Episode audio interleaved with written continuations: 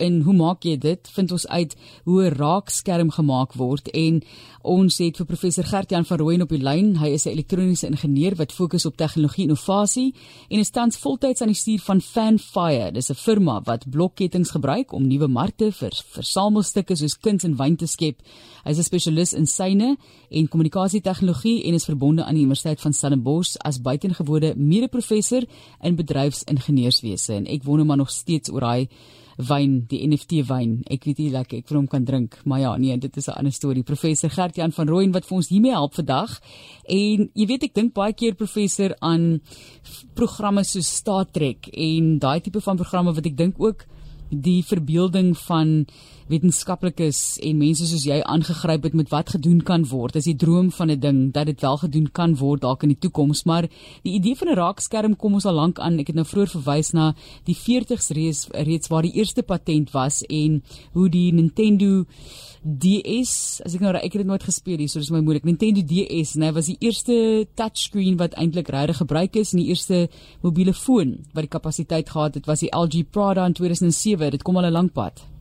Dit kom al 'n lank pad en ek ek dink as jy van ons vandag dink aan 'n aan 'n raakskerm en Ignatius jou vervaardiger het gesê ek ek moenie daarna verwys as 'n streelpaneel nie, dis 'n dis 'n raakskerm. uh maar ek dink as ons dink aan 'n raakskerm is dit daai magiese stuk swart glas wat Steve Jobs vir ons 'n hele paar jaar terug al gewys het wat dan skielik hierdie kleurvolle skerm raak en jy kan uh, met jou vingers daarmee uh daarmee werk en Ehm um, en dis dis 'n baie spesifieke baie meer moderne vorm van van raakskerm as die ou goed.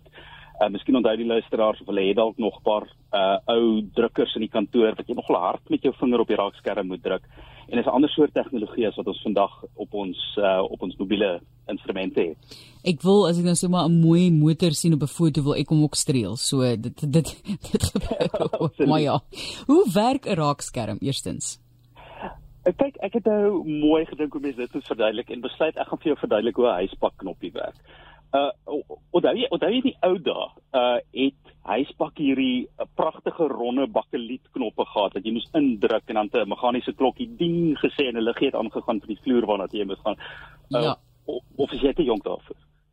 Nee, ek onthou dit. Ek dink ek dink as ek reg onthou, die stadsaal hierso het nog so 'n ou huiser ja, op die stadium. Ek dink baie van die ou geboue het dit yes, nog. So mooi brons, bronsknoppie, ja. pragtig. En eh, en daai is 'n voorbeeld van 'n van 'n gewone skakelaar. Uh 'n knoppies, as mens nou praat van van uh mobiele fone, dis nou die Nokia 3310 se se knoppies ook gewerk het. Jy druk hom in en hy voltooi 'n stroombaan. Hy maak 'n stroombaan wat nog ontkoppel was, maak hy toe die stroomman word wakker en die huispak weet dat jy nou op wil gaan of af wil gaan of iets soos dit. En iewers so in die 80er 90er jare het daai huispaknoppies as hulle vervang met die die plat knoppies wat jy nou vandag sien. En jy sal ook agtergekom het dis 'n dis 'n knoppie wat nie indruk as jy as jy aan hom vat nie. Jy kan net met jou vinger raak aan daai huispaknoppie en skielik weet hy jy jy het gevat aan hom, liggie gaan aan, die huispak kom na jou vloer toe. En daai knoppie werk op presies dieselfde manier as jou moderne slimfoon se uh se raakskerm. En wat daar gebeur is jy is nie net besig om 'n stroombaan aan te skakel nie, jy word deel van daai stroombaan. Uh want ons as mense kan elektrisiteit stoor. Ons sê ons het 'n kapasiteitsie om elektrone te bevat, elektrisiteit te stoor en luisteraars wat in miskien droë dele van die land is en op 'n koue wintersoggend in die Hoëveld 'n trui aantrek of uittrek, ons sal weet jy kan baie maklik 'n vonkie sien spat soos dat jou lyf begin energie stoor het. En wat gebeur as jy aan daai huispak knoppie vat? Kom die huispak agter dat daar nou iets in sy stroombaan verander het. Daar het 'n nuwe komponent bygekom, 'n menslike kapasitor en hy kan elektrone uitruil met jou, met jou lyf, met jou vinger. Uh, en dis hoe hy agterkom dat jy nou op die oomblik aan hom aan hom vat. So jy jy word deel van daai huispak se stroombaan om hom te roep. Ehm um, en as jy dan 'n knoppie sit, gaan daar 'n liggie aan, so jy kan dink aan daai huispak knoppie as 'n een piksel raakskermpie waarna jy geraak het en wat dan iets vir jou iets vir jou vertoon. Kom ons gesels oor ons gebruik elke dag. Ek het 'n rekenaar hier so regs van my wat ek gebruik as 'n raakskerm, my selfoon sit ek voor my, dit is 'n raakskerm. So hoe werk daai? Want jy sê daar is verskillende tipes. Ja, so die die moderne een wat jy het, het soos die huispak knoppie, het hy 'n klomp fyn draadjies. Jy jy moet onder 'n mikroskoop gaan kyk om hulle raak te sien, maar net agter die glas van die van die slimfoon, uh sit daar hierdie net van draadjies. So netwerk, dit lyk soos grafiekpapier en elkeen van daai draadjies is so 'n uh, kapasitiewe sensortjie soos daai huispak knoppie. En as jy jou vinger op 'n sekere plek op die skerm druk, dan sal een van die horisontale draadjies en een van die vertikale draadjies wat agterkom dat daar nou 'n mens kapasiteit deel geword het van die stroombaan. En daarmee kan hy presies die koördinate vasstel van waar jou vinger raak. Of selfs as jy met twee vingers vat aan die skerm om dalk te knyp of te zoom, uh, sal hy agterkom waar jou vinger op die oomblik is. Ja, ek moet sê dit is verskriklik. Staan as jy 'n gewone tydskrif deurblaai dan wil jy inzoom met jou vinger. Het jy dit al agtergekom? Dit is verskriklik. Hoe mens agterkom jy? Ja. Dit is so lekker om op Kindles en en uh tablette te lees dat ek al 'n uh, paar keer op 'n uh op 'n papierboek my vinger wou sit op 'n op 'n woord wat ek nie ken nie om die uh, uh woordeboek te gebruik om hom op te soek. Want ons ons raak gewoond daaraan dat ons met die dinge wat ons vashou met die inligting wat ons in ons hande het kan omgaan. Dit nie net uh dit nie net inneem nie. So hoe werk daai terloop? So wie die skerm dis wat ek nou wil doen. Hy kyk dan na die posisie. So die die draadjies op die skerm kan vir hom sê waar jou vinger of vingers op die oomblik raak. En dan staan daar slim sagte ware agter die agter die skerms aan die werk uh wat vasstel waar was jou vinger net nou gewees? Is jy besig om te beweeg met jou vinger om jy iets wil iewers een anders wil dra op die skerm? uh, of is jy besig om jou vinger vir 'n rukkie op 'n woord te hou dat hy 'n uh, konteks spyskaart moet oproep en jou toelaat om te sê ek wil graag ek wil graag hierdie woord opsoek in die woordeboek. Okay, ek het nou ek het nou net 'n papier gevat en dit bo op my selfoon gesit en my vinger op die papier beweeg en hy nog steeds beweeg. Maar hoekom werk dit maar as jy byvoorbeeld nou iets soos 'n pen of 'n ander objek neem, werk dit nie? Dis reg ja. Jou kapasitansie werk op 'n afstand en jy kry party van hierdie huispak knoppies of deurtoegang knoppies wat selfs op 'n afstand van 'n paar millimeter of 'n paar sentimeter kan werk. Want die elektriese veld wat jou wat jou lyf bevat kan oor 'n afstand werk. Baie baie soos wat magnetisme ook oor 'n afstand kan werk. En as jy 'n stukkie papier opsit uh, sal jou jou skerm dit nog agterkom. Ek weet byvoorbeeld ek kan my slimfoon binne in een van daardie plastiek ziplock sakkies sit uh as ek in die reën gaan hardloop of iets soos dit en hy sal nog steeds werk ek kan hom nog steeds gebruik. Maar as jy iets diks oorsit of iets wat glad nie wil gelei uh, of of te veel van 'n afstand skep uh sal dit nie werk nie. En jou pen byvoorbeeld as jy 'n balpuntpen probeer gebruik om op die skerm iets te klik uh daai balpuntpen het nie kapasitansie soos wat jy as 'n mens het nie. Hy kan nie daai hoeveelheid elektrone stoor en weer teruggee nie. En dis hoekom jy foon hom nie raak sien nie Goed, en dan laastens kyk my selfoon en dan gelukkig nog geen krake nie, maar hy het al baie geval. So ek is ek dink dis 'n wonder selfoon, jy weet, jy moet skous nou en dan soos in Engels praat hulle van 'n dud. Ek weet ek wonder wat dink mense van Afrikaans vir die woord dud, maar hierdie een hou nogal lank. So wat hoekom werk hy nog steeds as daar 'n kraak op is?